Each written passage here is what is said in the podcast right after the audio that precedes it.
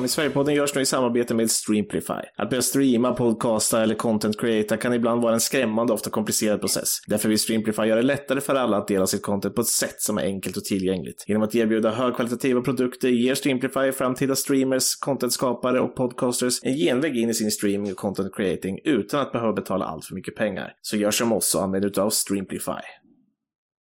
Wow, wow, wow, vi är tillbaka. Eh, och med mig idag eh, på avsnitt, jag tror det här är 175 faktiskt, så det är någon form av milstolpe ändå, eh, har vi Micke. Mad Mike som han heter här inne i podcastrummet. 175, ja, det är ungefär lika många anklagelser som City har emot sig. Eller hur? Eh, och utöver Micke är det inte Adam, utan här inne heter han Isak Aron. Men på riktigt heter han Rasmus Ivarsson. Välkommen tillbaka Rasmus. Tack så mycket. Skönt att podda lite på semestern när man har tid att läsa Twitter noga. Ja, men exakt. Och eh, ändå skanna av allting som händer. Och du var ju ändå med på eh, det här poddavsnittet som vi spelade in under supporterträffen. Som faktiskt eh, är ett av våra mest lyssnade under, höst, eller under hösten, sen, under våren. Det är väl för att jag var med i början. Ja, exakt. Så är det, så är det definitivt. De andra sket i sen när det börjar bli mer oljud och mer fylla. Det är då det slutar man lyssna. Ja. Har du sett något från Statman Day på Twitter? Eller han har varit lugn, eller för att jag har avföljt honom kanske? Jag tror han har lugnat ner sig. Det finns väl ingen statistik att presentera under sommaren. Nej, det är sant. Men jag tror jag har avföljt honom också. Jag är så jävla trött på hans inlägg. Varför har du avföljt honom? Han skriver bara samma skit hela tiden. Ja, det är i och för sig sant. I och Men för sig, ibland- det är, det är värt att följa honom för att se om Rasmus hugger mot honom. Annars kanske det inte kommer upp i mitt flöde. Är det här en beef jag har missat alltså? Gillar du inte Statman, Rasmus? Jo, men han har två gånger under säsongen när han har presenterat felaktig fakta. Ja, det gillar inte Rasmus, det är felaktig fakta. Speciellt eftersom han är så, ja men, han säger ju alltid att han kan allt och att han kan presentera bra siffror. Så då är det ju tokigt när han inte gör det på ett bra sätt. Det är lite som att uttala Isak Aron. Ja, det stör jag mig också på. Så får hoppas på en bättre kommentator imorgon.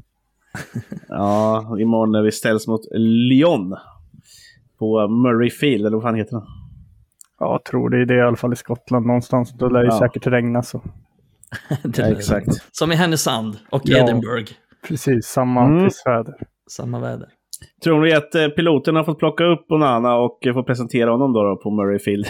eller hur, hur ser det ut? För vi Han har ju... bra, han har bra OB, piloten där, som Ja. sitter lugnt och stilla på... eh, Jag kanske flyger från Atalanta, Bergamo flygplats. Sit- Sitter och tar det lugnt där på landningsbanan. Ja, då har han suttit där ett tag också. Han har ju hunnit haft avslutningsmiddag fyra gånger eller någonting med alla Det är en personer. lång middag. Ja, det är det. Men vi har ändå fått den här here we go ifrån eh, Fabrizio Romano nu, så nu ska det ändå vara helt klart att han kommer komma. Men Ja, det är klart, inte. vi bekräftar det nu, det är klart. Ja. Red Army Sverige-podden bekräftar. Men, men tap in here we go från Romano. Eller vad var det du sa innan här? Ja, precis. Ja, det, det är bra. Men eh, det är vi väl nöjda över. Att, eh, du var ju inte med sist Rasmus. Har du något eh, du vill slänga in om Onana här? Eh, innan vi släpper den bomben eh, och går vidare. Ja, men lite som jag såg från ja, men Leeds-matchen. Nu var Leeds väldigt dåliga, men det var i alla fall glädjande att se att speciellt Kovar i andra halvlek, att vi alltid spelade upp bollen. Det var Mm. inget tjong och det, är skönt att veta att man förmodligen får det med Onana också, så man kanske kan spela upp och bygga egna anfall hela vägen från målvakt. Och det är väl något som vi verkligen har saknat. Så jag tror det kommer göra mycket mer nytta än vad folk tror. Mm. Exakt, det är jävligt underskattat tror jag, för att vi tappar ju bollen så jävla mycket med de Geas långboll. Alltså om man, om man slår en långboll, det är inte bara de Gea liksom, men det är alltid, slår man en långboll, då är det ju 50-50 om man vinner den eller inte. Och beroende på vilket motstånd så kan det vara ännu lägre odds.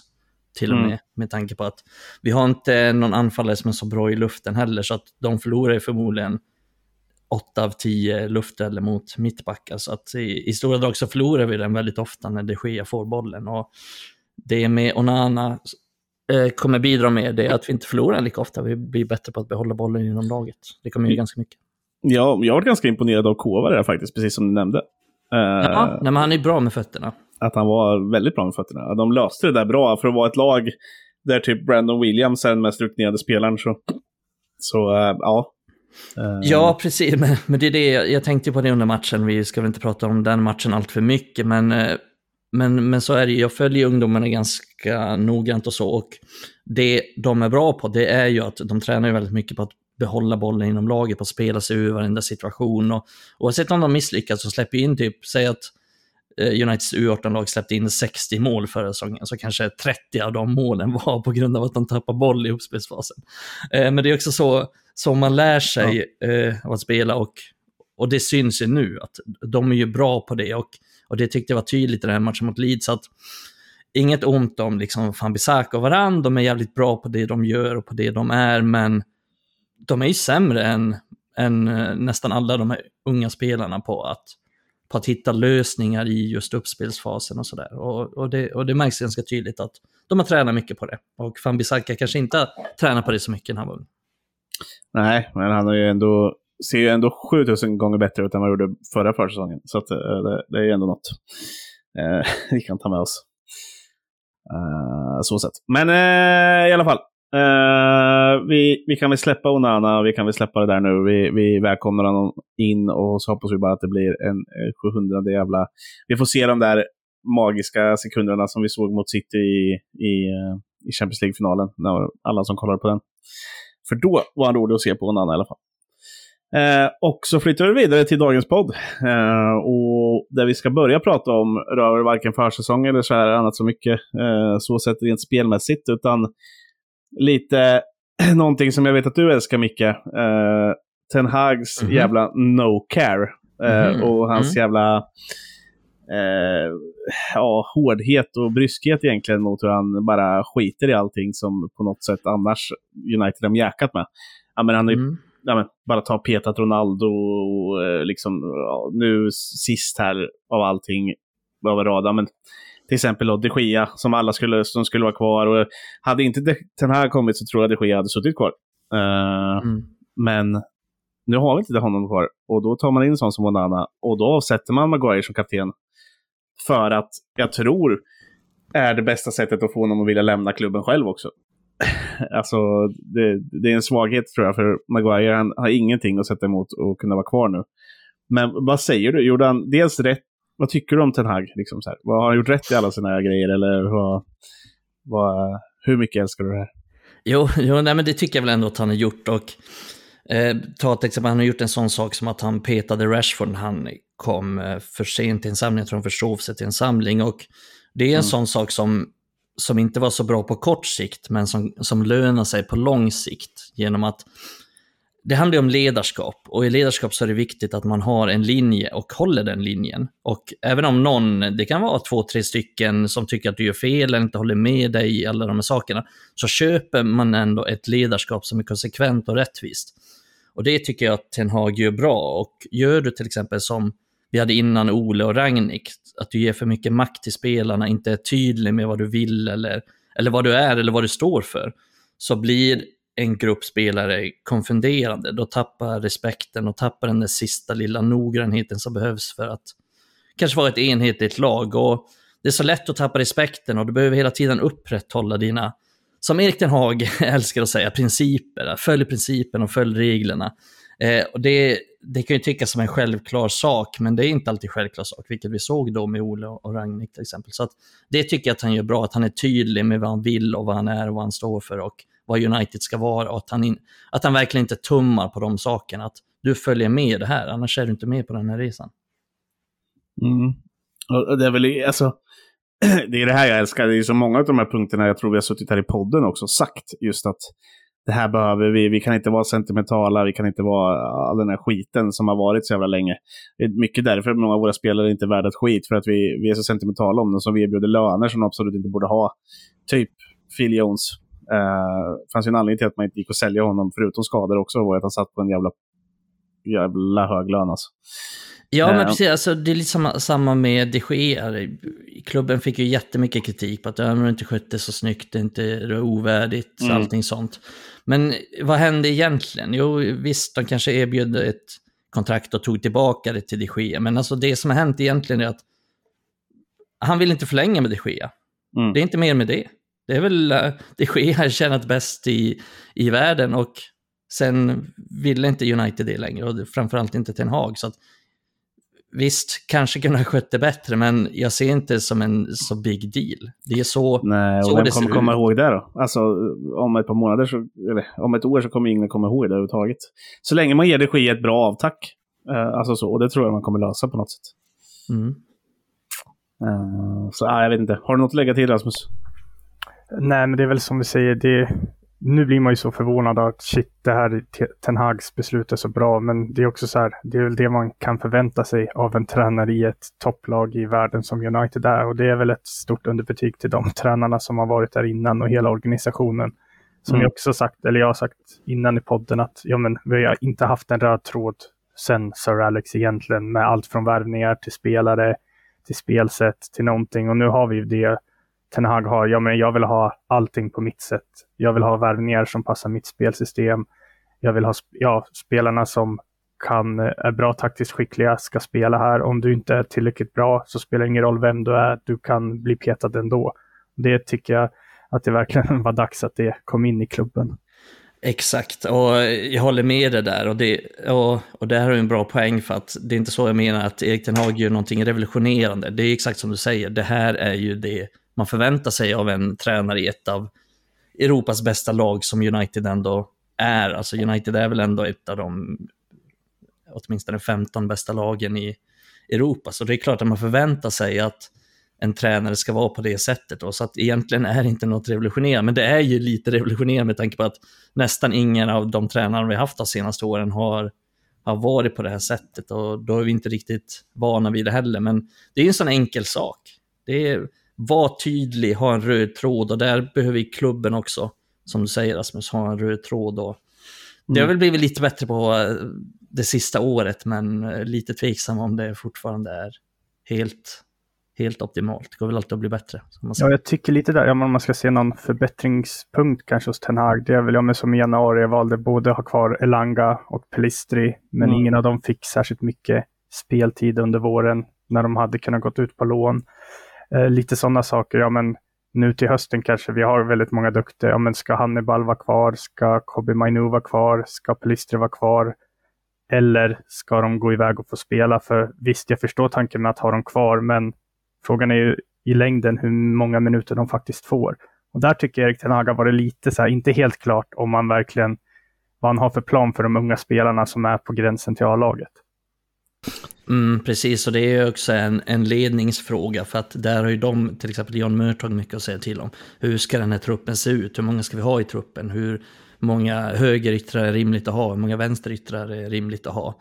Kan vi sälja Elanga? Kan vi låna ut Pelister och så vidare och så vidare? Och där behöver de hitta något samarbete, men jag tror att eh, det var mycket så för att det var Ten Hags första säsong just då, att han kanske inte hade superbra koll på alla spelare och han behöver utvärdera dem lite mer för att kunna ta dem. Jag håller med, håller helt med. Vi, det har varit ett stort problem med United i flera år att vi har jättemånga spelare som i princip man slänger bort säsongen för. Pelistri nu, eh, en sån spelar ingenting i princip. Eh, bara tränar liksom i laget, det ger ju ingenting för en spelare som är 20 år att, att göra så. De behöver spela och de behöver en vi behöver en röd tråd en tanke för dem och en idé för dem och en plan för dem. Och det har väl inte riktigt funnits, håller jag helt med om. Det påverkar ju även en sak som, eh, som vi kommer till sen, men med övergångssummor och sådär. För att vi snackar ändå att vi ska försöka sälja Elanga Iqbal som du nämnde nyss. Hade han gått på ett bättre lån så hade vi säkert kunnat få mer pengar för honom också. Exakt. Eh, och Elanga som har suttit på bänken, jag vet inte hur många minuter han spelade under våren, men det var inte många.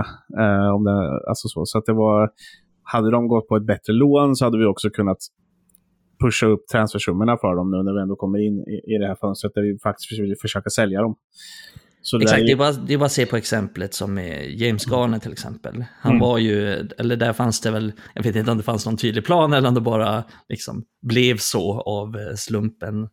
Men han var utlånad till Nottingham Forest och gjorde bra ifrån sig där och tog upp dem till Premier League. Och Mm. då var ju, hade ju United ett jävligt bra förhandlingsläge för att han hade gjort bra ifrån sig och hypen var stor. Och då kunde man få ganska mycket pengar för honom. Plus Mm. att United inte aktivt behövde sälja honom eller behövde göra sig av med honom. Eh, så det är ju verkligen så. Och, och det har ju sänkt framförallt Elangas marknadsvärde ganska mycket med tanke på att man spelar i princip ingenting förra säsongen. Så att Nej, den det, hypen fanns inte. Hade man sålt honom, hade man sålt Elanga den säsongen när han fick spela jättemycket under Mm. Ragnik, då hade han ju fått 30 miljoner pund lätt. ja, om inte mer. Nästan. Alltså för en lovande ung ytter liksom. Som ändå har gjort det bra i, i Manchester United. Ja, visst, visst, lätt, minst 30. Mm. Eh, och, eh, alltså det, är, inte där man står. Det är, det är dåligt ifrån klubben i många, i många, mångt och mycket. Många som klagar över det här, alltså även på Twitter och bland fans och våra lyssnare, just att vi är så jävla dåliga på att sälja. Men vi, vi kommer dit snart. Jag tänker vi ska fortsätta med Ten Hag. Så det här sista som han ändå gjorde var ju att avsätta Maguire som kapten. Och Maguire gick ut och lipa i, i, på Twitter lite och, och lite allt möjligt och sådär. Och nu verkar det väl ändå som att han aldrig har varit närmare, närmare att lämna oss i alla fall. Eh, och ja, vad tyckte ni då? Skulle vi ersätta Maguire som kapten och vem ska bli kapten i så fall? Alltså att avsätta honom som kapten var väl oundvikligt med tanke på hans speltid. Ja, Mm. speciellt från årsskiftet så är ja, men det är väl inte hållbart att ha en kapten som man vet knappt kommer spela några matcher. Så att det görs är väl ja, oundvikligt och det är väl det rätta att göra. Sen vad som händer med Maguire i framtiden får man se. Det beror ju på hur han tar det om man vill, för han kommer ju förmodligen vara tredje eller fjärde valet och tappa kaptenskapet, tappa sin eh, startplats. Frågan är ju hur det påverkar honom och hur han, hur han klarar av att hantera det utan att det går ut över resten av laget. Mm. Så jag håller väl helt och till fullo rätt att det var rätt beslut att göra. Sen vem som ska bli kapten efter, det är väl lite kluven till. Men jag såg, eh, läste er panel som ni publicerade lite tidigare idag. Där var det väl ändå lite spännande åsikter som ni delar med, med er av. Som du inte höll med om nu ska såga, såga oss. ja, mitt, mitt var väl inte så jävla kontroversiellt ändå. Eh, jag sa ju att det, jag tycker väl att det borde vara Bruno. Det känns som det mest solklara valet. Han kommer ju inte bli petad, han kommer spela. Han har varit där längst, han har varit assisterande kapten känns det som hur länge som helst. Eh, och det känns ju som det solklara valet, men däremot lite roligare om man kan se några andra spelare. Jag hade ju Rafa Varan uppe på tapeten också, just bara på grund av hans rutin. Men, men jag tror ändå Mm. Bruno är det mest korrekta valet. I alla fall inte mitt tycke. Ja, alltså, jag tror ju att det blir Bruno. och Bruno är ju ett hyfsat logiskt val, men det som jag inte gillar med Bruno, det är hans beteende i motgång. Så Mm. enligt mig är det det som definierar en bra ledare. Hur reagerar du i stridens etta, i motgång? Ta den här matchen mot Liverpool till exempel. Jag tyckte han var, alltså det var fruktansvärt att se honom då. Och det, det är de situationerna tycker jag som det visar vem som verkligen är en bra ledare. För det är väldigt lätt att stå i liksom medgång och stå och skrika lite och pusha folk. Men när det verkligen brinner till, då visar det sig vem som verkligen är en bra ledare. Och jag är lite tveksam på om han är en superbra ledare då. Eh, så det som definierar en bra ledare, ja men hur reagerar du i de situationerna när motgång? Står du upp för andra? Behåller du lugnet framförallt också? Eh, för mig kan en ledare absolut bli en sån som hetsar upp sig, går in i en tackling och trycker dit någon. Men när vi ligger under och laget behöver samla sig så tycker jag inte att en bra ledare står och gestikulerar och gnäller. Och därför vill jag ha Scott McTominay. Ja, precis. Utan en kapten ska väl vara en sån som kan samla laget och lugna ner sig och ta ton och som alla respekterar och som kan visa på planen också, men också utanför planen med sina ledaregenskaper. Men jag, ty jag tycker det är svårt för att eh, ingen är väl ett optimalt val. Jag skriver i den här panelen som ni kan läsa på vår Facebook-sida som så är väl mitt val, liksom. det är inte så att jag tänker till i två veckor om det här, men Mm. alltså mitt spontana val är väl Lisandro Martinez, och visst, han har bara varit där i, i en säsong eller sådär, men jag tycker ändå han är en sån som, som leder på planen och som jag tror har allas respekt och som jag tror är ett bra föredöme på så sätt, eh, vad jag har sett. Men det finns lite olika alternativ, som Varann, men inte... med Varann är väl just att han är skadad ganska ofta och, och vilas ganska ofta. Och, eh, sådär. Det är väl mitt problem med honom. Sen Casemiro är väl också ett, ett val där, men han kan inte så bra engelska och... Mm. Nej, det, det är ett svårt val. Jag tror att det blir Bruno, men ja, det hoppas, hoppas att det kan bli Martinez. Jag ser honom som den mer naturliga ledaren faktiskt. Vad säger du om Antoni får binden på, armen? ja, det var oväntat. det blir action. Alltså, Onana. Onana, det hade varit kul. Eh, men jag tänker så här, om man sätter typ binden på Licha så här, jag tänker, man har ju sett vissa så här, och, och vissa spelare som får binden på armen kan ju ibland hämmas lite av det i sitt sätt att vara på planen. Eh, alltså att han kanske inte blir den där riktigt lika butchiga, aggressiva som är framme och, och halvt eh, eh ser ut som att de ska slå ihjäl folk. Eh, så, för att man ska leda på ett visst sätt. Alltså så. Eh, den, den lilla farhågan finns alltid hos mig när man ger någon en kaptensroll. Liksom. Eh, Varann är ju inte den spelaren från början, men han har andra ledaregenskaper. Han är väldigt lugn istället, eh, om man ser det så. Då. Men som du säger, det är därför jag inte tror att han kommer bli kapten. Han kanske blir, han kanske blir nya Bruno och får kaptensbinden när den nya kaptenen inte eh, kommer kunna spela. Liksom. Mm, eh, så kan det ju vara. Sen finns det lite så här typiska vicekaptener, typ som Luke Shaw, eh, Marcus mm. Rashford, som jag kanske inte ser som de naturliga ledarna men som ändå har varit det länge, har respekten från alla och är liksom vad det verkar så vettiga personer. Eh, ja, och Luke Shaw hade jag inte kunnat sett som ett jättefel. Eh, framförallt inte nu sista åren när han ändå inte ser ut som en, eh, en McDonalds-burgare när han kommer tillbaka. Och, och, utan han har tagit till sig lite att han behöver också vara ordentlig. Och, och då har han ju ändå ett kaptensmaterial i sig, skulle jag säga han har alltid en ny look när han kommer tillbaka. Ja. Det är som att någonting händer under sommaren som tänker nu måste jag förändra någonting hos mig själv. Jag måste bli ny. Det är lite som den här eh, blonda killen slash tjejen i, liksom, när man börjar sjuan som kommer tillbaka från eh, semestern utomlands och liksom helt blonderat hår och kanske någon ny, någon ny frisyr, fläta i håret eller någonting. Det är Luke Shaw. Ja, det, det är fan Luke Shaw. Uh, ja, bra. Men, men uh, Rasmus, hade du ett namn då som du helst ser som? Vem ger du? Så problemet är att inte ha ett namn, för jag tycker inte att någon är så här verkligen använder tydligt att det är den här. Men som Micke sa, jag tror att det blir Bruno och även om jag inte håller med om det, är lite av samma anledning att han är gnälliga. Bara under hösten så hade han väl tre ostskivor för snack eller så här onödiga saker. De säger, ja, men så fort det är motgång så kan han ju liksom istället för att ta den energin och eh, omvandla den till, ja men nu ska vi göra allt vi kan för att vända den här matchen, så kan det bli lite så här, ja, efterslängar, eh, klaga på domaren, lite mycket sånt. Och jag, tycker, ja, men jag har sett många som diskuterar, ja det är så bra, han visar verkligen att han verkligen vill vinna, han är vinnarskalle. Ja, visserligen, men du är ändå en av de ledande spelarna och då kanske man inte behöver visa det så tydligt. Och det blir lite konstigt om din kapten är den som är inblandad i de här ja, men situationerna där vi fick böter från FA för att vi omringade domaren. Då är liksom Bruno den som eh, initierar det och då blir det lite konstigt. Ska han vara kapten? Men ja, det lär väl bli så. Då får vi förlika oss med det. Han kanske är en lugnare person efter den här sommaren. Man vet aldrig. Han blir också äldre. ja. Han är snart 30 och han lugnar ner sig än, så att det kommer aldrig. På gott och ont. Ja. Nej, men och sen är det väl eh, i allt det här när man sitter och spekulerar om sådana här saker, så det är ju inte vi som påverkas av hur de är på planen. Eh, så liksom, det är inte vi som, eller jo, vi kanske påverkas, men det är inte vi som behöver räknas om vi påverkas eller inte. Utan det är ju hans medspelare och, och tycker de att det är bra att han är så och tänds utav det så, så är det bra. Om de väljer honom då. Eh, det är ju otroligt svårt för oss att sitta och säga här liksom. Uh, utan det, det är rent och sett från truppen hur de reagerar och vem de vill ha egentligen. Uh, så att, ja, jag vet inte. Jag antar att det, det bästa valet kommer väl bli det valet som väljs. Uh, får, får vi ändå säga det så. Uh, bra, bra. Då, då vet ni där då, vem som blir ny kapten. Det blir Bruno. Uh, det har väl faktiskt nästan stått ute på Twitter också att, de, att det kommer bli Bruno. Det vore väl konstigt om det inte blir det. Uh, med tanke på att han har varit askkapten.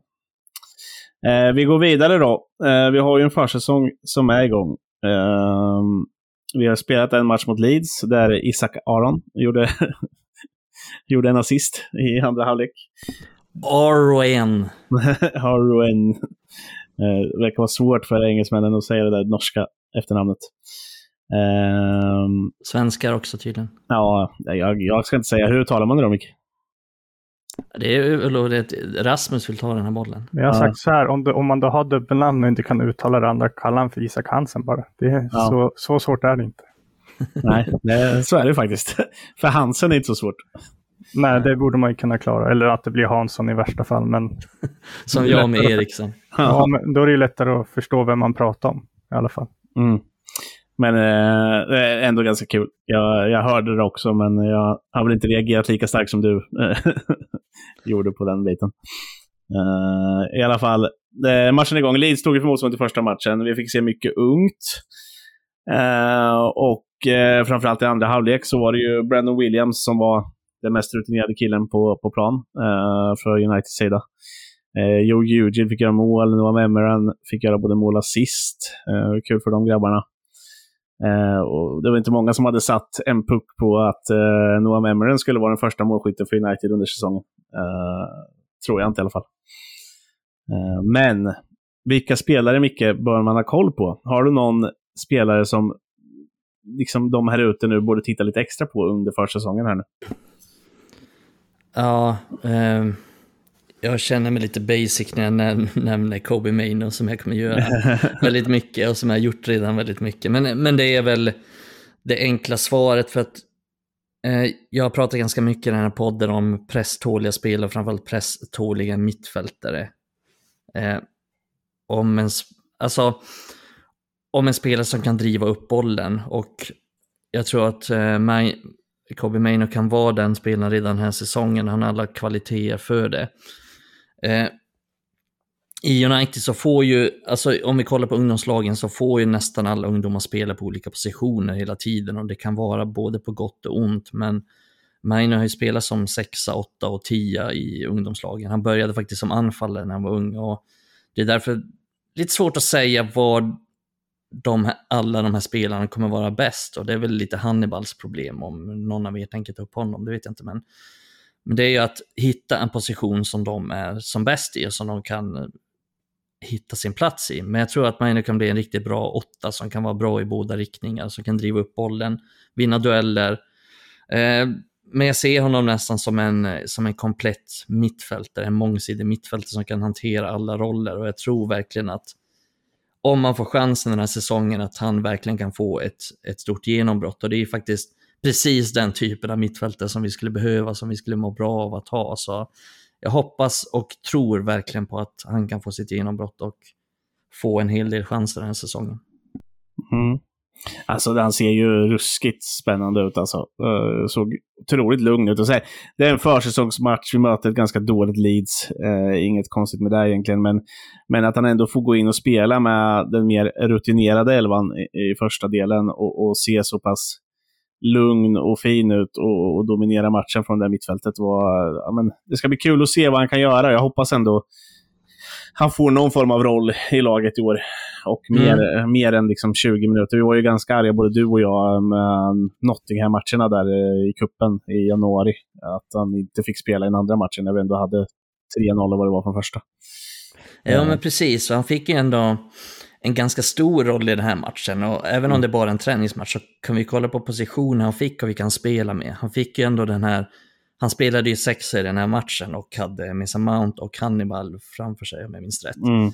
Så han fick ju ta väldigt stort defensivt ansvar. Han fick ju egentligen ta det defensiva ansvaret själv och ha den, ha den rollen helt på egen hand. Och det är ett ganska stort ansvar som Ten Hag satte hos honom och det verkar som att, som att Ten Hag tycker om honom väldigt mycket och tror väldigt mycket på honom, vilket är, vilket är kul och, och rimligt också för att så, så pass bra är han. Mm. Har du något att lägga till om mm, Mr. Kobe? Eller Kobe, Kobe kanske heter. Uh, Isak tänkte jag säga. det är bara för att det står Isak här med Rasmus. Nej, men jag har väl inte så mycket att tillägga. Micke har väl varit inne ganska mycket på honom. Och det är väl egentligen, ja men han, kanske Ahmad och Hannibal som ligger närmast att kunna utmana om en plats i A-laget på riktigt. Så det är väl de tre Fernandes som... också. Ja, men där, ja, där är väl lite större konkurrens kanske. Men Mm. Klart, han har ju de kvaliteterna, det såg man ju under den första halvleken. Senast nu mot Leeds. Jag är tveksam till om han är sämre än Malaysia om, säg två år.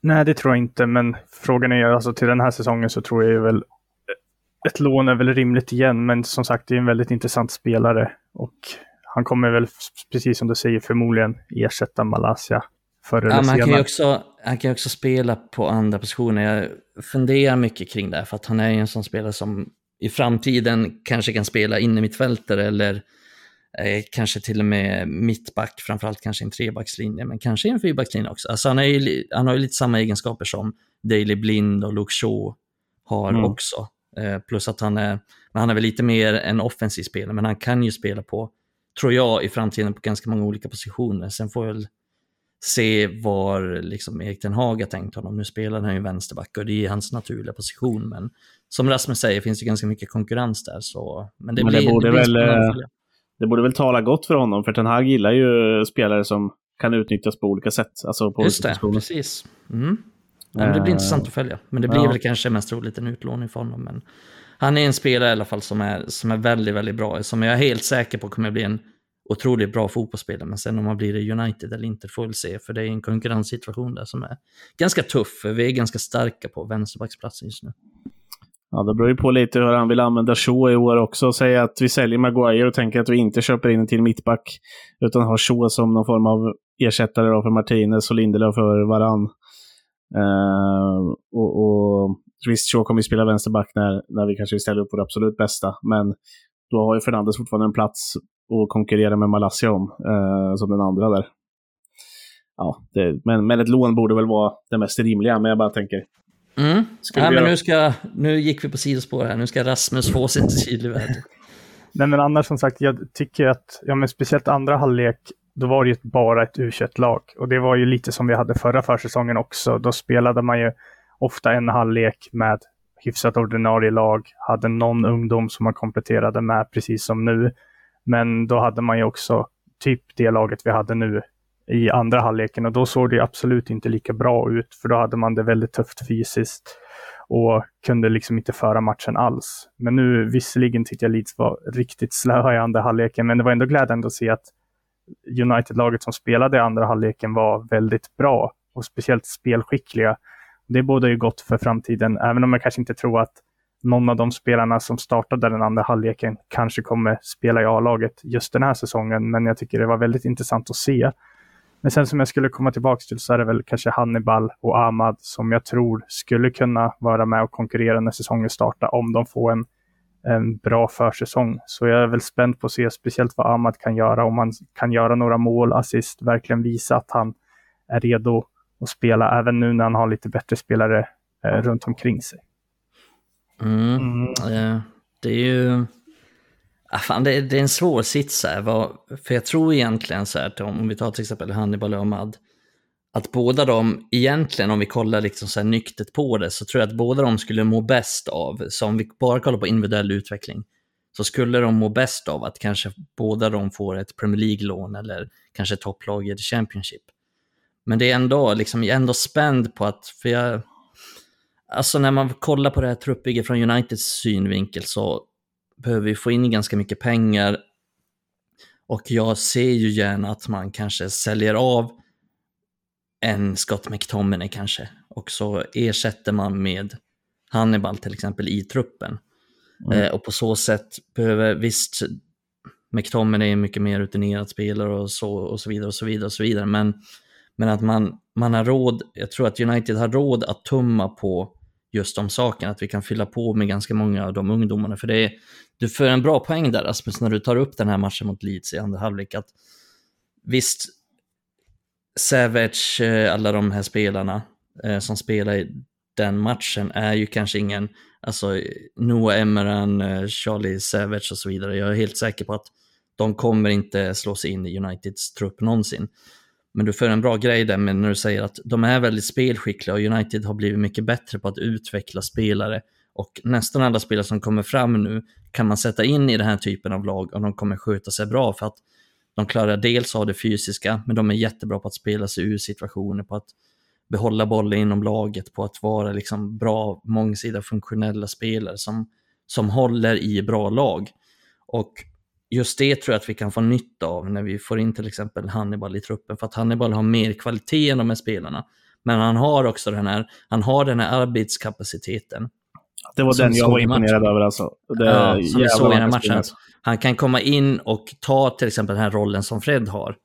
Mm. Men han har mycket, mycket bättre fötter än vad Fred har till exempel. Och då gillar jag ändå Fred och Fred fyller sin funktion men Hannibal skulle kunna ersätta Fred i, i framtiden. Mm. Jag, jag, jag vill ju inte se det här försäljningen till Dortmund som du har snackat om. Eh, I så fall ska vi ha en otroligt billig återköpsklausul på den. Ja, det var tråkigt. Ja.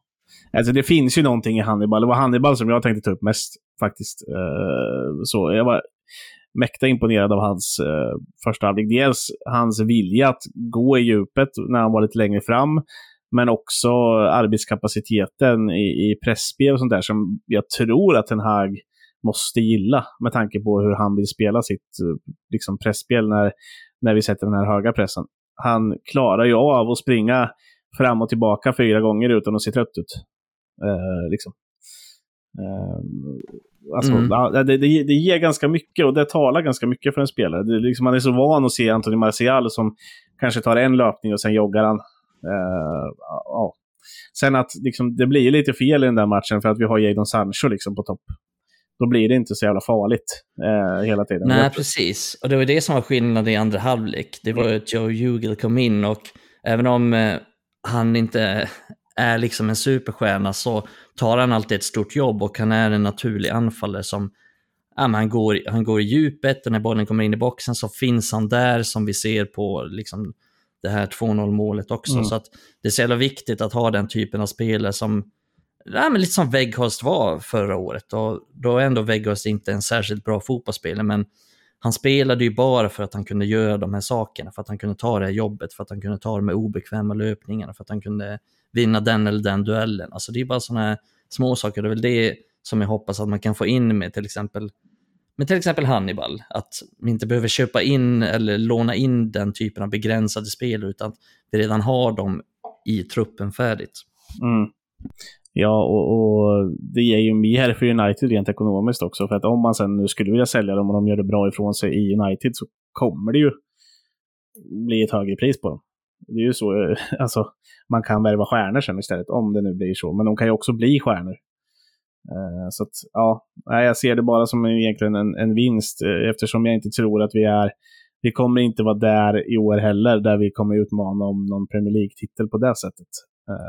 Känns det inte som. Vi är inte där i utvecklingen än. Men om vi ska ta oss dit så måste vi hitta spelare som också kan bli bra utan att vi behöver lägga 1,5 miljarder på dem. Liksom.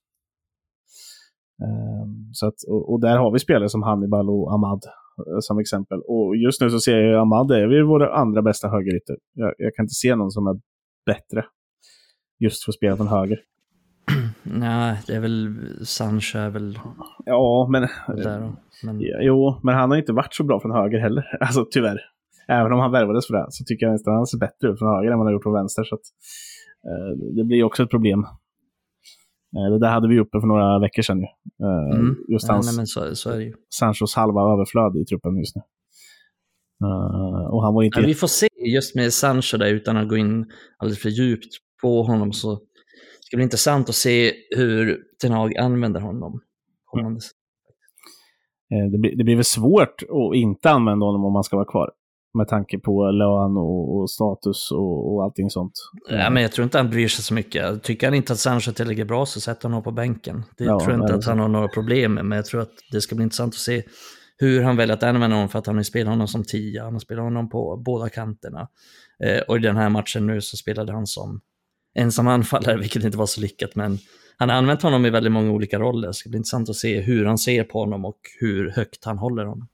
Mm. Men det är väl lite som ni är inne på, ja men just Sancho, nu har vi väl pratat mycket ungdomar, vilket ofta blir fokuset på försäsongen. Men det ska också bli intressant att se ja, men hur de här etablerade spelarna, till exempel Sancho, Anthony, hur de funkar nu på försäsongen. Kan de få lite produktivitet, göra några mål och assist innan säsongen drar igång så tror jag att det skulle göra enormt mycket för dem. För ingen av dem har ju levererat särskilt mycket poäng eh, under Premier League-säsongen som var, men de har gjort Mm. saker bra. Men jag tror att just den delen tror jag nog sitter mentalt för båda spelarna. Att de känner att ja, men vi skulle behöva göra lite mål, lite fler poäng. Ja, men jag är ju helt säker på att Antoni, Antoni gjorde åtta mål förra säsongen tror jag. Jag är helt säker på att han gör över tio eh, nästa säsong. Och Sancho gjorde sju mål tror jag och han kommer nog definitivt också göra. Men jag tror ju att skulle vi spela Joe Jugil på topp i alla träningsmatcher här så skulle Antoni och Sancho få minst tre mer assist än vad de skulle haft om vi hade haft Svechos på topp.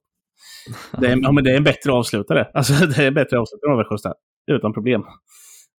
det, så mycket jag har sett av honom i ungdomslagen. Och så här. Sen har han mycket andra begränsningar, men, men bara titta på avslutet han gör mot Leeds. Det är ju bättre klass än vad Växjös fick till på, på alla matcher i, i, i United.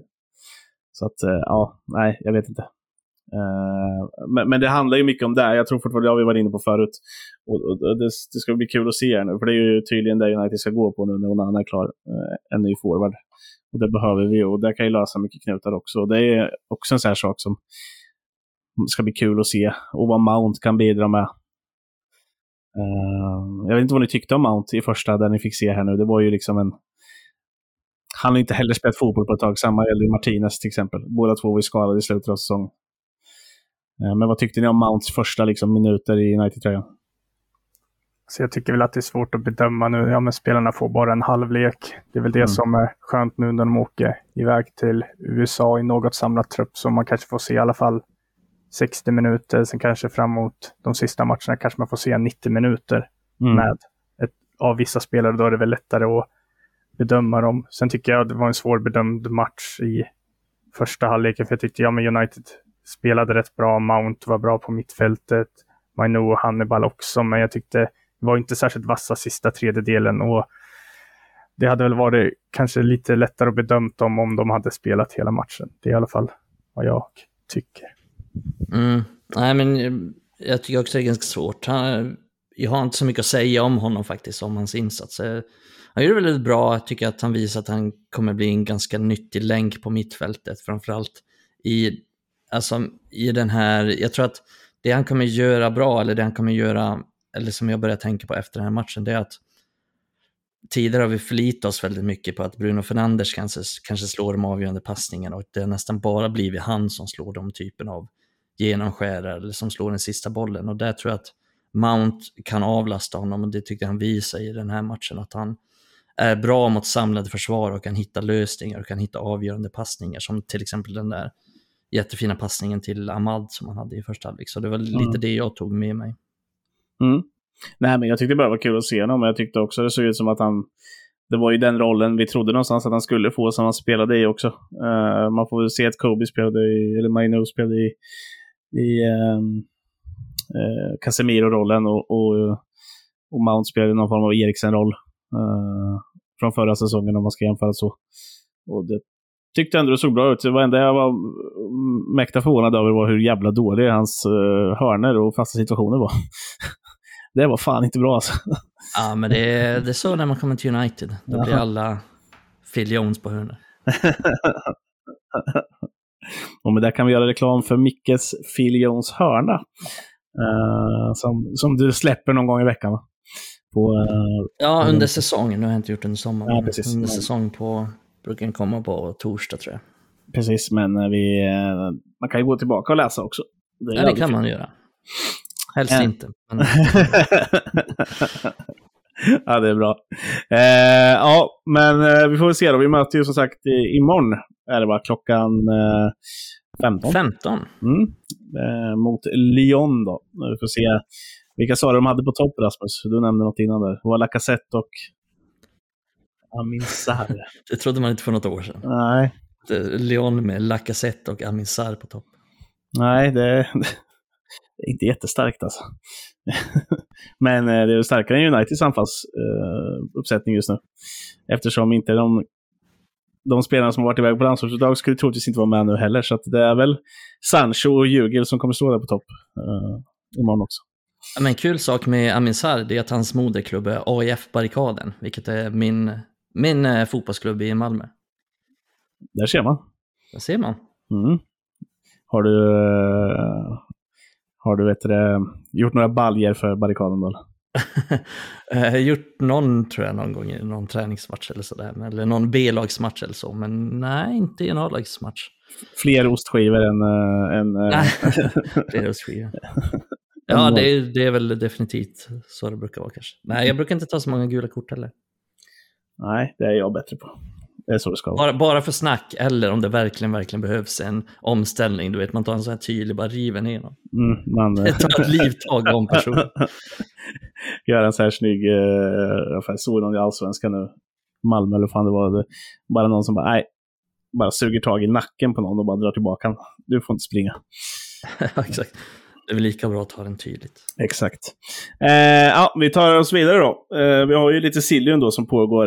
Eh, och eh, eh vi kan väl börja med det, det senaste på Sillion. Det är väl ändå att vi har fått, eh, förutom Here We Go på Nana då, som vi pratade om i början, även att Rashford ändå ska skriva på ett nytt jävla megakontrakt. Eh, det är väl mer eller mindre bekräftat från Romano. men inte från klubben. Och det verkar ju dröja, som sagt, fyra, fem veckor innan sånt blir klart från klubben. Så att någon gång i oktober kanske vi får höra att Rashford har ditt kontrakt. Eh, men vad säger vi om det då? Det ryktades ju om någon 325 000 eh, pund i veckan, eller fan det var. Eh, ganska saftigt. Eh, vad, vad har vi att säga om det? Är vi, är vi nöjda med Rashfords nya kontrakt? Ja, självklart är vi nöjda för alternativet är att han lämnar gratis. Och det mm. hade ju varit förfärligt. Sen så här, ja men säga så mycket om summan, det är väl svårt att göra det. Det är väl i linje med vad man har förväntat sig. Men det är väl en viktig förlängning också att visa att ja, men även han kan vara kvar trots att han har haft eh, ja, men förfrågningar från andra klubbar. Men det är glädjande att se att en egen produkt väljer att vara kvar och jag tror att han bara kommer bli bättre och bättre efter vad man fick se förra säsongen. Så det är väl ett glädjebesked att man också har det klart nu så det inte börjar bli stressigt under våren när det bara är några månader kvar. Mm. Mm. Äh, nej, men det är precis som du säger Rasmus, och det är alltså just summan där, det är ju i princip vad de bästa spelarna i varje lag tjänar också. Alltså, det är inte så att Kevin De Bruyne eller eh, Haaland tjänar mindre och skulle skriva på ett nytt kontrakt med med City, liksom, om de fick mindre pengar än det, utan det är i linje med vad de bästa spelarna i varje lag tjänar. Sen får man ju liksom ha, alltså just med lönestrukturen så måste man ju ha, ha ganska många spelare som inte tjänar just de summorna. Och det är väl det som United har haft problem med, att många mm. har tjänat väldigt, väldigt mycket. Utan, så jag ser det inte som något problem att några få tjänar väldigt mycket, precis som Rashford gör nu. Och det är som Rasmus säger också, att alternativet är ju att han, att han lämnar gratis i princip och det har vi inte riktigt råd med. Han är ju värdefull nu och det är ju dels eftersom han är den enda, baserat på förra säsongen, som kan göra många mål och dels för att han är en av världens bästa omställningsspelare också. Och han är bra både som vänsterytter och striker och egen produkt, 25 år, kanske en av världens tio bästa på sin position, något sånt ish. Mm. Eh, så att jag tror ändå att det är ett måste från Uniteds sida att behålla honom och vi måste behålla våra bästa spelare för att kunna ta nästa steg. Vi, det skulle ju kosta, tänk, tänk att vi inte gör den förlängningen. Då behöver vi kanske köpa en vänsterytter som håller världsklass och då kostar det liksom en miljard att göra det. Så att, mm. eh, nej, jag, jag ser väl det som en, som en vettig sak att göra. Nej, det var väl bara att hosta upp de pengarna han ville ha, mer eller mindre. Eh, alltså, ja, dels ja. betydelsen av att ha, eh, som ni nämnde också, alltså en egen, eh, alltså, egenutvecklad spelare. Det, det, är bra för turneringar och allting sånt också. Eh, det behöver toppklubbarna. Och då ha en sån pass toppspelare som Rashford som är, tar en sån plats också, eh, är, ju, är ju aldrig fel. Liksom. Eh, det, det, det, är klart han ska vara kvar. Och då ja, kan han skriva på för fem år och få den lönen. Ja, absolut. Om fem år är den lönen en piss i Mississippi skulle jag gissa på. Eh, I, ja, i dagens samhälle också så, så är det väl viktigt att ha den förebilden som Rashford ändå är med mm. tanke på allting som händer här i världen och med tanke på hur alla spelare känns det som beter sig så, så tycker jag att eh, Rasmus, börjar säga, Rashford är eh, bra PR för United, en bra liksom, förebild för United både på och utanför plan. Ja, Jag är bra PR för den här podden också. jag tänkte säga det. Rasmus är bra PR för. Var det där ett sätt att locka tillbaka Rasmus? Ja, det är det ju. 325 kronor i veckan kan jag ta. Helvete vad dyrt, det har vi faktiskt inte råd med. 325 öre i veckan kan du få. Ja, det har vi fan inte heller råd med. Betalar du det Jonas då? Ja, 325 öre kan jag betala i veckan. Det har jag inga problem med. Vad blir det per år, Rasmus, det är ekonom? Ja, det blir väl lite mer än 1 5 kanske. Fan, har du råd med det Jonas? Ja, gud det. Det blir bara att få, Pengarna rullar in. få skita i någon ölplatta här och där. Ja, det är tungt. Det är tungt att skita en ölplatta här och där. Det är inte det enklaste. Det där var ett test av er mattekunskap. Ja, jag, jag är ju svin. Ja. Jag trodde ni skulle jag- märka att det inte var rätt siffra. Nej, jag Nej, jag tänkte inte ens på det. Det blir väl ungefär 170 kronor kanske. Men helvete. Nej, det tänkte jag inte ens på. Jag Ja, tänkte, sant. tyckte att det lät en smula högt först, men jag tänkte att det är inte orimligt. det var ingen orimlig summa att ge någon egentligen. Om man Säg allt om våra mattekunskaper. Inga bra för förhandlare. De bara, ja, det här låter rimligt. Ja, visst. Kör på. Vi hade passat bra in i United tidigare. Ja, vi hade kunnat vara, vi hade kunnat vara ledning nu i United och gjort det bättre. Ja, det här vet det är rimligt. En miljard, ja det är rimligt. Eh, Ja, vi kör på det. Ja, det är bra. Eh, nej, men alltså såklart det är bra att vi skriver på för att, Uni- att United signar kontrakt med spelare som ska ha nya kontrakt. Liksom. Eh, så vi, vi är mer än glada att Rashford skriver på det här kontraktet. Sen vill jag ändå slänga in här nu att precis när vi spelade in podden här nu så kom det att det är Here we go soon på Alex Tejes till, eh, till Al Nasser. Eh, Jobba nu! Hur mycket, mycket får vi då? Får vi några pengar? Eller? Nej, jag vi- vet inte. Det står faktiskt inte här. Eh, Det var Fabricio som skrev ut det, men det står bara att de har closing in on deal eh, to sign Alex Tejes. Det finns en there's a verbal agreement. En, ah, det står inte någonting om så, men eh, Vägra acceptera, höj budet. precis. Eh, Jag antar att vi inte får så mycket för den där mannen, men han sitter ju också på en ganska bra lön, så att det är väl bara bra att bli av med honom.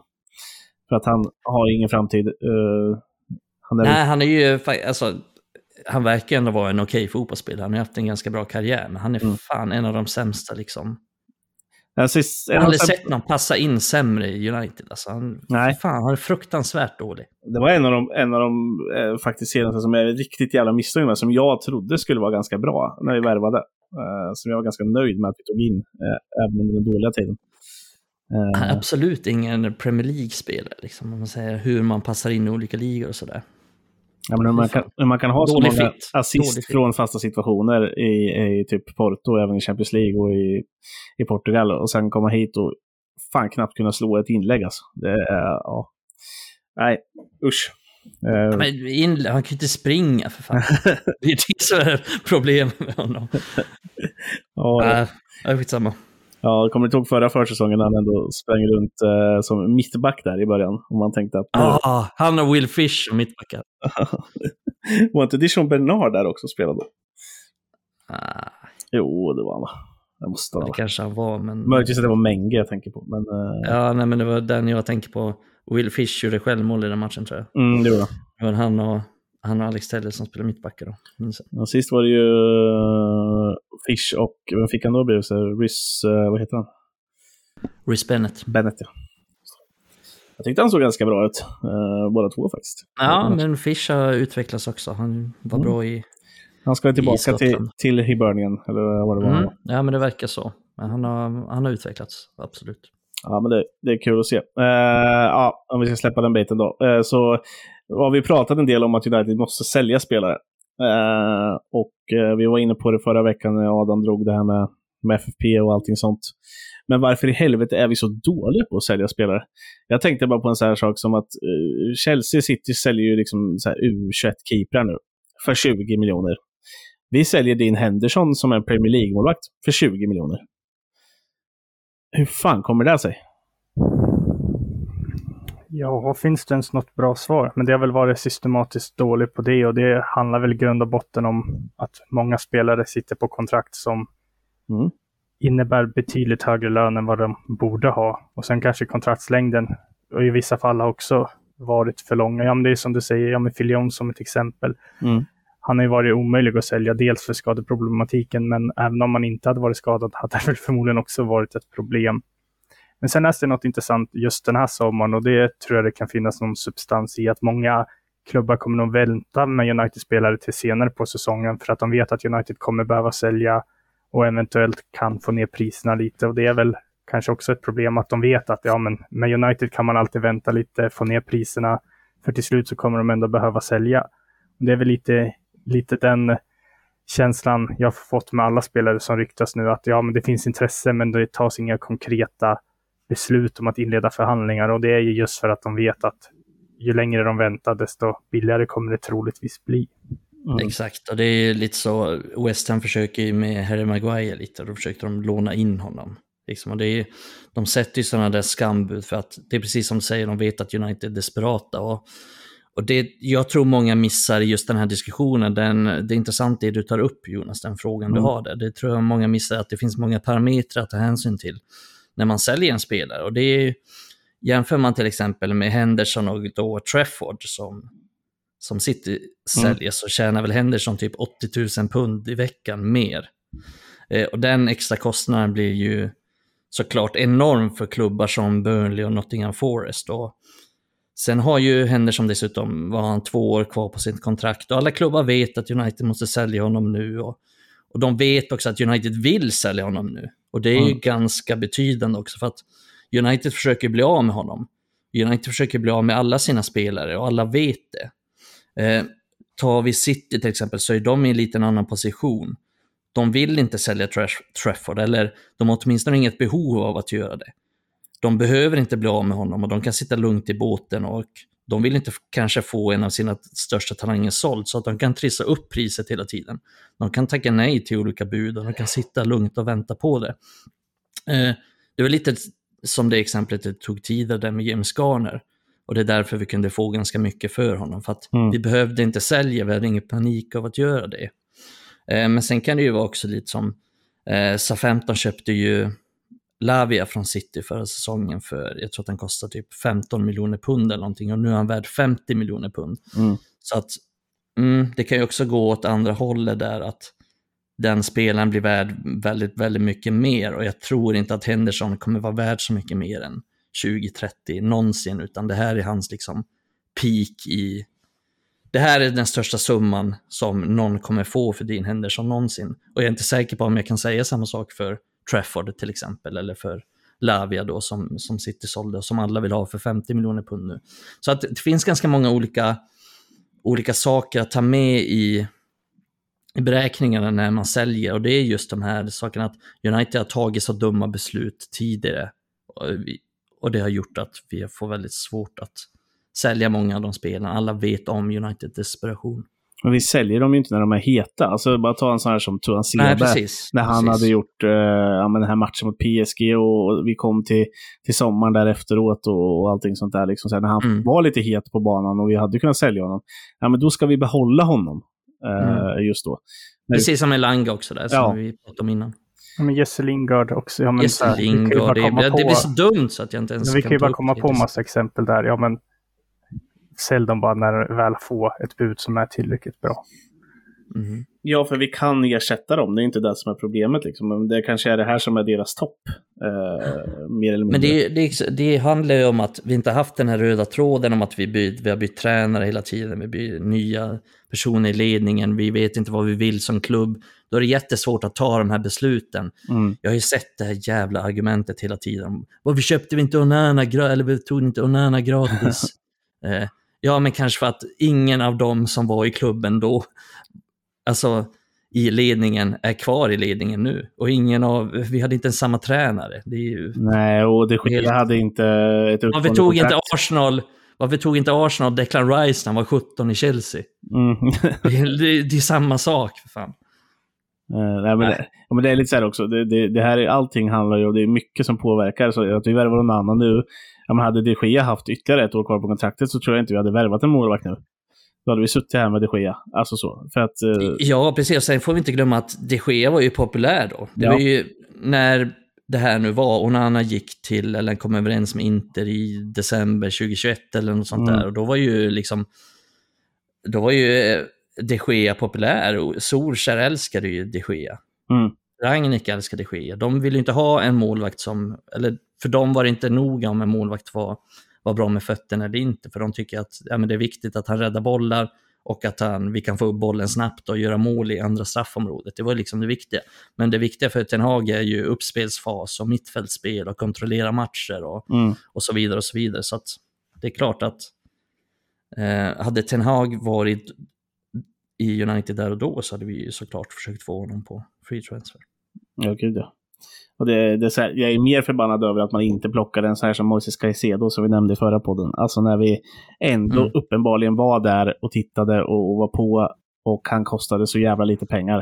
Eh, så det hade ju varit en... Exakt, och det, och det var ju en värvning som inte var så mycket baserat på vem är tränare här och nu, Nej, utan exakt. mer att United såg något slags värde i. Li, lite som när United köpte Ahmad och Pelistri. Mm, Att det är inte så mycket med, det är inte så att Ahmad passade jättebra in i Solskjaers spel, utan det var ju snarare en John Murtog-värvning som såg att ja, men Ahmad är en superbra spelare, vi kommer kunna göra värde av honom och oavsett om han kanske inte lyckas hos Solskjaer så kommer vi kunna sälja honom med, vi kommer inte gå så mycket minus på honom. nej. Eh, och det är ju också ett sätt att tänka på när man köper spelare. Ja, gud. Framförallt om man köper unga spelare som inte som kanske inte har ett namn i sig ännu. Eh, så liksom. Och de här hundra vi la för, eh, alltså hundra svenskar vi la för Pelistri, det är ju liksom ingenting. Det är klart vi kommer få tillbaka de pengarna. Eh, det ser jag ju ingenting. Alltså han är liksom en uruguayansk landslagsspelare så att det är svårt att se att vi inte skulle få tillbaka de pengarna på honom. Det kommer vi definitivt få. Ja, så sådana värvningar är ju, de ser jag mer som dumma när vi inte gör. Eh, för de kostar inte liksom eh, klubben någonting i, i varken kort eller långt lopp. Ahmad var väl lite dyrare, men, men ja. ja. Du fattar vad jag menar i alla fall. Ja, precis. Eh, men, men i övrigt då, alltså vi har ju några spelare som är på väg ut. Det, det skulle ju kunna vara typ Fred, eh, som det pratas om. Vi har ju fått några skambud där också från Galatasaray och allting sånt där. Men där är det nästan som man hoppas på att Saudi går in och, och höjer budet lite då. Så Mm. att vi får, får lite pengar för honom. Men det är ju också rätt tid att sälja med tanke på att annars går han gratis nästa sommar. Ja, precis. Det är ju en... Ja, det är ju den sitsen och får vi 20 för Fred så är det ju superbra. Då är det ju bara att sälja. Mm. Men till exempel Fulham kommer ju inte vilja lägga mer än sina 12 eller vad det var de hade erbjudit. Eh, och, och så är det ju tyvärr. De kanske inte sitter med mer pengar heller att kunna lägga ut. Eh, i sitt... Nej, men får de 45 för Palinja från, eh, från West Ham så Ja, då vet vi att de sitter med pengar och det har vi ett bra förhandlingsläge nu med, med Mm. West Ham för att vi vet att de har jävligt mycket pengar nu så att mm. vi behöver inte acceptera något jävla lån för Maguire utan det är fan bara att hosta upp. ja men här, David Moyes blir vår räddning. Han blir vår nya Steve Bruce. Han köper både McTominay och Maguire till slut. Ja, Han köper allt som vi vill bli av med. Och det hade varit... Han vi behöver en ny Steve Bruce. ja, vem hade, är det- är det David Moyes som är nya Steve Bruce då? Eller vem hade vi Ja, kunnat men någon annan? nog, han blir nog nya. Han är lite nya Steve Bruce. jag. Alltså vi måste ju kunna sälja något till Nottingham också. De köper ju för fan eh, 40 spelare per säsong. Mm. Ja, men Henderson nu, sen är de ju lite intresserade av Elanga också. Eh, Det är ju Everton också, så att där kan vi nog få ett budkrig hoppas jag. Ja, det var väl fler. Det är ju även tyska klubbar som är intresserade av uh, Elanga. Så att det, det borde ju kunna trissas upp lite. Ja, men vad säger Statman Dave Rasmus? Ja, förhoppningsvis ingenting. Men det är, väl ändå, det är väl ändå rimligt att, jag menar, vill vi så tror jag nog ändå vi kan lösa Elanga, Alex Telles, Fred, McTominay och Maguire ut under den här sommaren. Sen kanske man inte behöver stirra sig blind på om det blir 10 eller 20 miljoner för enskilda spelare, utan ja, får vi 10 eller 15 för Elanga och Fred, då kanske, man, då kanske det är lika bra att acceptera det, för då har man dem ur världen. Och då jag menar till nästa säsong, får vi bort de här spelarna, då går vi ändå in i nästa säsong med spelare som, ja men i princip hela truppen bestående av spelare som Erik Ten Hag vill ha.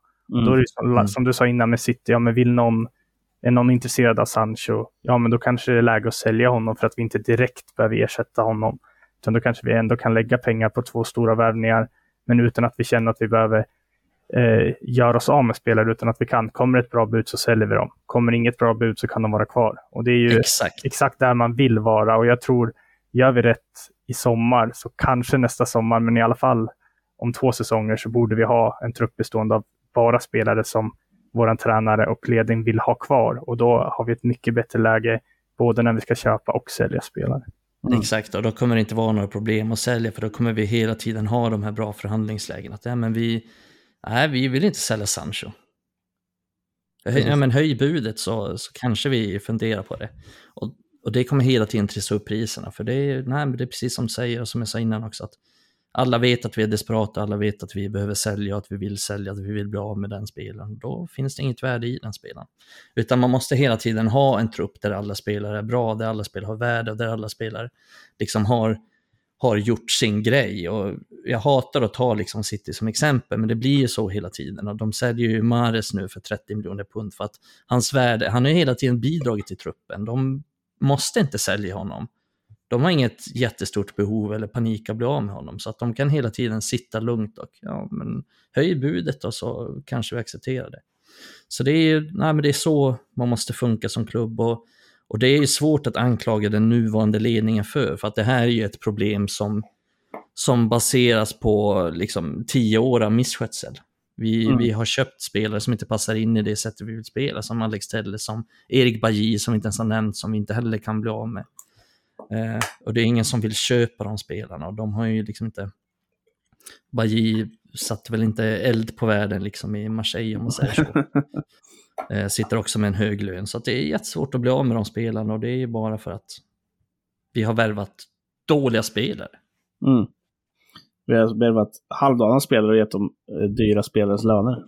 Ja, Ja, nej, det är så det är tyvärr. Eh, och eh, ja, det börjar väl bli dags att och, och, och snoppa av den här podden tänkte jag säga. Eh, Det är faktiskt man kan, ett, uttryck som man kan använda, så att det var inte helt fel. Eh, har ni haft en kul stund, Rasmus och Micke? Absolut, även om vi har varit hårda mot United, men det brukar väl ofta bli så när man kommer hit och ska prata. Men det är i alla fall, vi har ju också haft lite ljuspunkter ja, med försäsongen. Se de unga spelarna som kan spela, veta att vi kan passa bollen från straffområde till straffområde om vi nu vill det. Och tror vi har en fin eh, kommande i alla fall tre veckor och kolla på försäsongsmatcher och sen kanske man får se om man är lika positivt inställd till säsongstart. men det känns väl som att vi tar sakta steg framåt i alla fall. Mm. i, överlag, liksom hur, vilka spelare som köps och hur truppen ser ut och hur bra vi är. Så det känns inte som att det går bakåt i alla fall. Vi satt ju här under Solskjaer-tiden väldigt mycket och liksom såg inget hopp, vi såg inget ljus i tunneln och nu tycker jag ändå att det, det är lite positivare även om det går sakta fram. Vi har fortfarande ingen striker och det är problem, men vi, vi har förstärkt på målvaktssidan, vårt mittfält är bättre. Eh, vi har en ganska bra trupp nu. Vi spelare för spelare liksom försvinner som Phil Jones och Tuan Sebe som inte har nytta av och Alex Telles verkar försvinna nu. Så att det blir hela tiden lite, lite bättre i alla fall och det är ju åtminstone någonting. Mm. Absolut. Så vi tar med oss de kloka orden från Micke och Rasmus. Eh, ber er återigen att Och Jonas, Ja, eh, jag hade inte så många kloka ord idag, men eh, jag bidrog nog på mitt sätt. Eh, men i alla fall, vi ber er följa oss på eh, Twitter, Facebook, Instagram, eh, TikTok finns väl fortfarande på också. Jag vet inte hur, hur mycket som läggs ut där, men eh, vi finns där. Och vill ni komma i kontakt med podden bara så är det ju Raspodden på Twitter då, och det är bara att skriva meddelanden eller ja, kommentera på våra inlägg kommer alltid ut något eh, roligt här och där. Eh, så tackar vi för idag och eh, återhörande nästa vecka.